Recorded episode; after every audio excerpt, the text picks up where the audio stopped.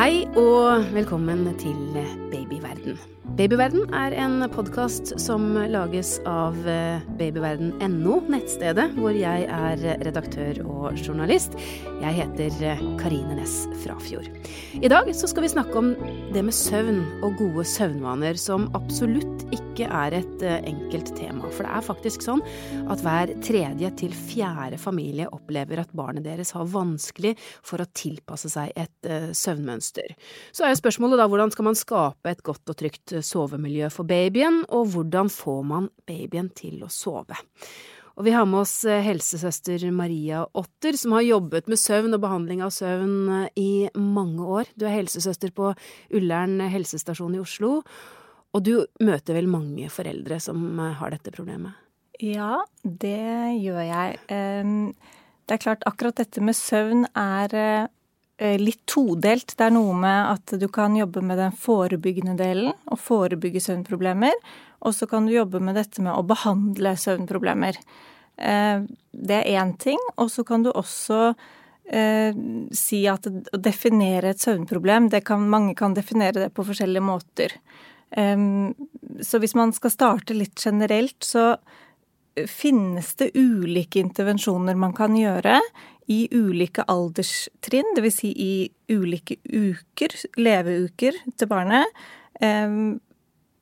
Og ulike metoder man kan gjøre for å få barn til å sove. Nå høres det veldig vanskelig ut, syns jeg allerede. Men jeg tenker, jeg tenker at vi, vi, får et barn. Kanskje ja. vi får det første barnet. Kom hjem fra sykehuset. Um, vanskelig å kanskje komme inn i en rutine. Eller ja. i det hele tatt, skal man ha en rutine? Jeg, jeg, husker i hvert fall for min del at barnet skulle ha mat hele tiden, og det var Jeg syns det var vanskelig å på en måte komme inn i en sånn ja, ja rutiner, rett og slett. Leggerutine. Skal man ha det når, man, når barna er lite? Um, nei, altså det man, det man kan begynne med de første ukene Jeg pleier å dele opp litt sånn i bolker for foreldrene, fordi da blir det ikke så altoppslukende, og man skal ikke fikse alt med en gang, for ja, det, det går ikke. Nei, det er godt.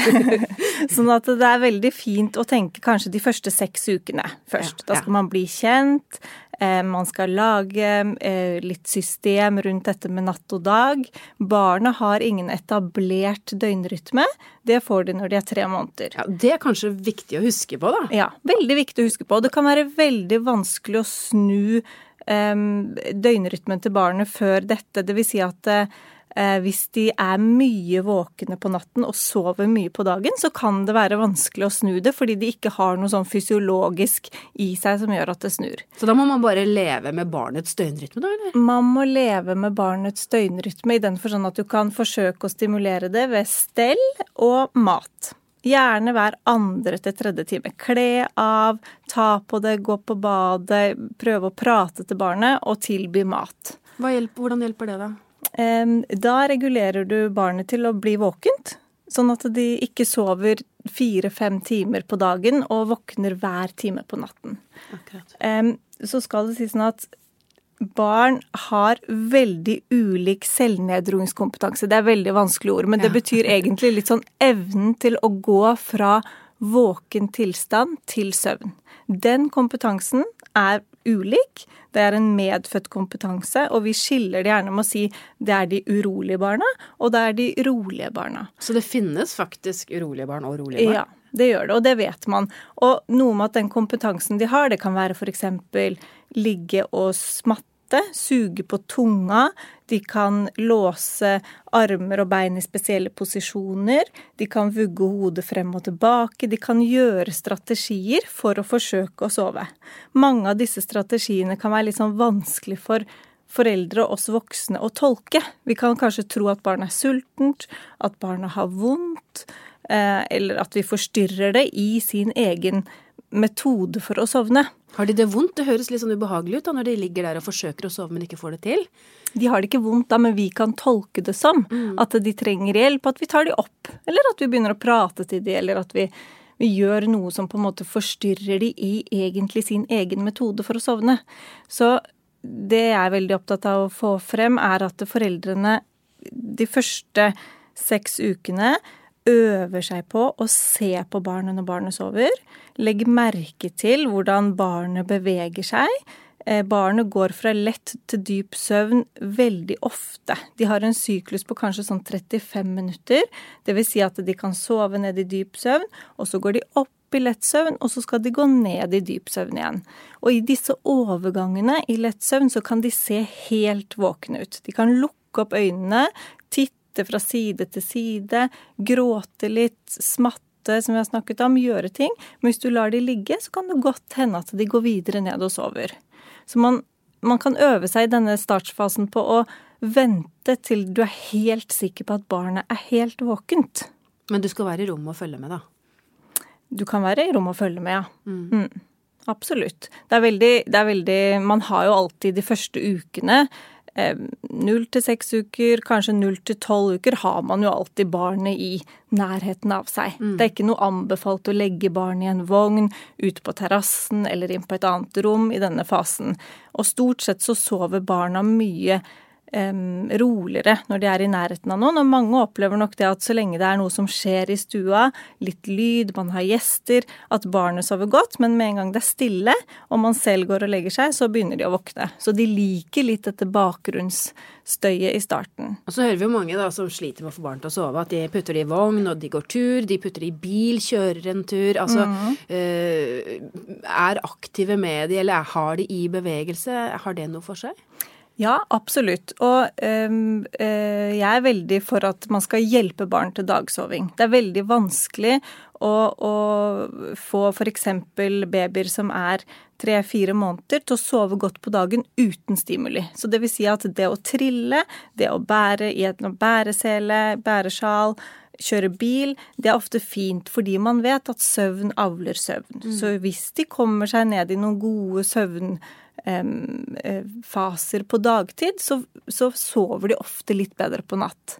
En annen ting er det at for å lage en skille mellom natt og dag, så er det fint at barna har en variasjon på hvor de sover på dagtid kontra natt. Sånn at natt kan være sånn i samme seng eh, hver natt.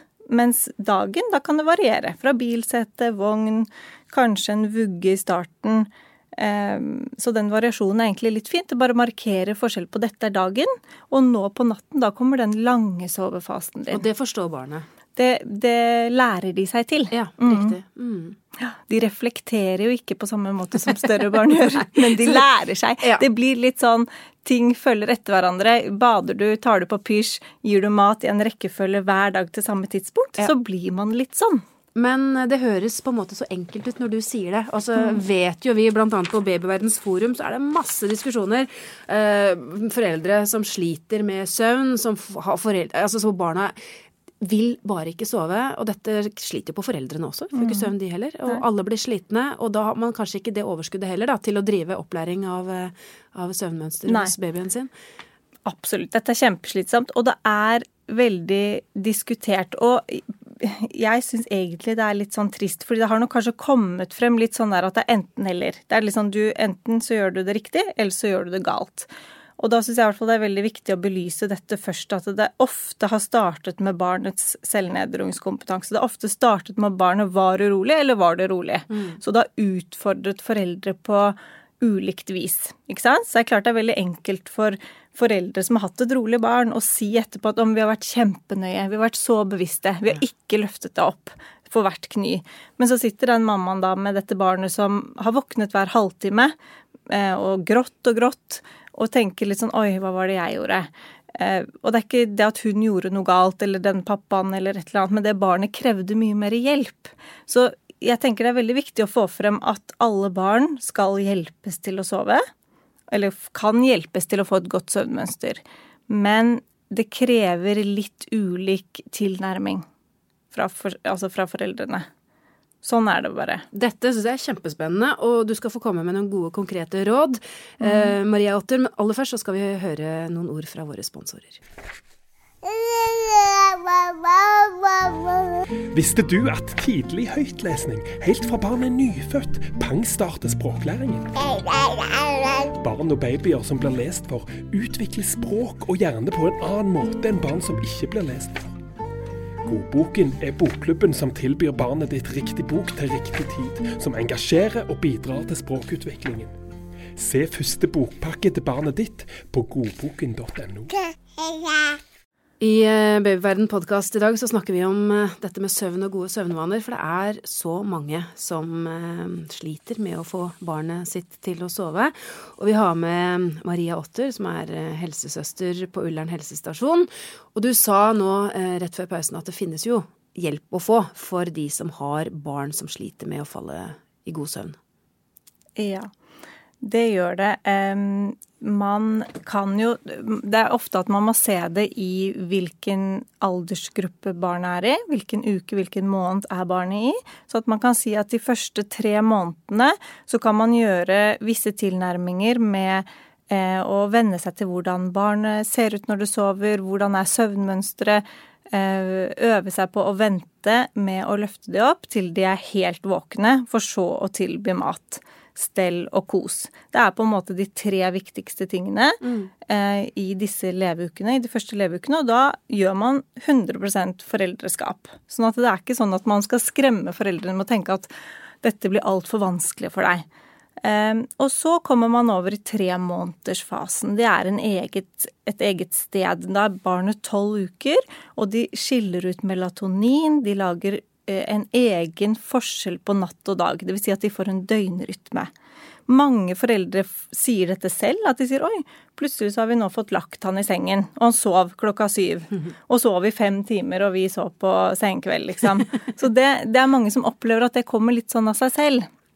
Men det er noe fint for dem, for det er bare for de som opplever at det ikke kommer. Ja, og de er det mange av. Og de er det mange av. Men Eh, vi vet at de barna også har melatonin, og at de la, har på en måte en iboende endring i kroppen, og derfor kan foreldrene legge til rette for det. Det kanskje krever litt mer jobb, det er kanskje sånn at det ikke skjer på én dag, men du kan F.eks. for eksempel da, hvis du har en baby som må sovne ved puppen. Ikke sant? Mm. Mor har sittet og og ammet i en time, og så lister de dette barnet over i sengen, helt sånn musestille, og bare det knirker litt i gulvet, så våkner mm. babyen. Det barnet kan man da, fra tre måneder, ta og Hvor pappa tar over, svøper barnet i et teppe, litt sånn trangt, det hjelper ofte litt. holder i armene eller legger ned og holder hvilende litt tunge hender på barnet. Hvorfor pappa? Altså, hva er eh, forskjellen? I eh, hvert fall hvis det er i forbindelse med at man skal endre dette med at barnet har sovnet ved puppen. Så er det lurt. Okay. Det er vanskeligere for en mamma med eh, pupper, hvor melken renner, og holde barnet og roe uten å gi pupp. Ja, det blir på en måte litt sånn erting. Her er jeg, her er puppen, men du får den ikke. Ja. Så det går ofte lettere når pappa gjør det. Og så er det en fin eh, papparolle. Det er en fin ting å fordele litt på det. Mm. Nå har mamma gjort dette, og så er det pappa som tar over. Skifter en bleie, tar på pysj, lag et fast rituale. Mange ganger så passer det med bading. At man tar både bading, eh, tar på pysj og går inn på rommet. Så mm. fra og med nå så anbefaler jeg å begynne å ta med barnet inn på rommet. Det vil si at man legger barnet før man legger seg selv. Mm. Og noen ganger så kan det ta at de sovner, våkner etter en halvtime, og du må inn, og du holder på inn på dette rommet her i mange timer. Men så hvis du gjør det, kveld etter kveld etter kveld, så er det sånn at etter en uke, i hvert fall, etter to, så går dette greit. Så det du sier er at det er håp etter to uker? Ja. ja for det kan de fleste holde ut, tror jeg. Ja, og ja. de aller fleste er ferdig med kolikk. Og det er jo en sånn ting, for de er ofte veldig urolige på kvelden. Så veldig mange eh, som har hatt kolikkbabyer, de vil jo oppleve at det er kvelden som har vært veldig urolig. Og de har kanskje kommet inn i en del uvaner hvor det har vært mye byssing. Men da kanskje man har vært sånn ok, leggingen har vært ca klokken 11, så kommer man ned til kanskje klokken 10, så kommer man kanskje ned til klokken 8, og så ender man til slutt på klokken 7. Mm.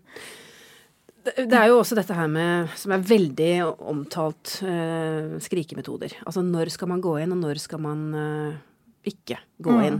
Eh, ikke, det, er en, det, er en, stor diskusjon, det mm. vet jeg. Men, men, er det noen retningslinjer? Er det farlig å la barnet ligge? Skal man gå inn ved det minste knyst? Det er fryktelig vanskelig, og mye mm. følelser i spill også her. Veldig. Ja.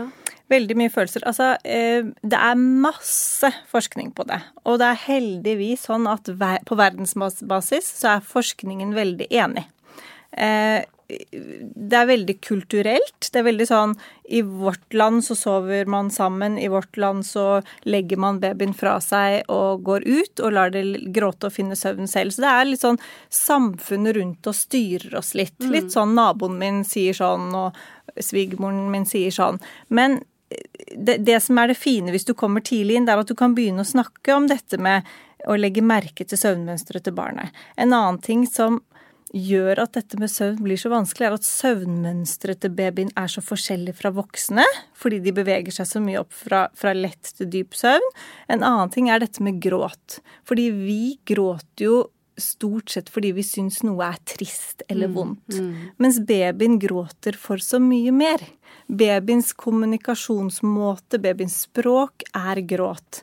Sånn at det, det er veldig viktig for å på en måte finne ut litt sånn hvilken metode man kan bruke i forbindelse med søvn, er også først å snakke litt om gråt, akseptere barnets gråt, lære seg forskjellen. Og ved tre måneder så ser man, det viser også forskning, at de aller fleste foreldre klarer å nyansere barnets gråt veldig bra. Mm skille mellom sultgråt, smertegråt, jeg kjeder meg-gråt, og nå er jeg trøtt-gråt. Mm. Fordi gråt i seg selv er veldig selvstimulerende. Det vil si at mange babyer faller i søvn etter at de gråter. Så det er kanskje ikke noe å forvente at barnet legger seg ned og, og på en måte bare mm, grynter litt, og så sovner. De bruker gråt for å stimulere seg selv i søvn.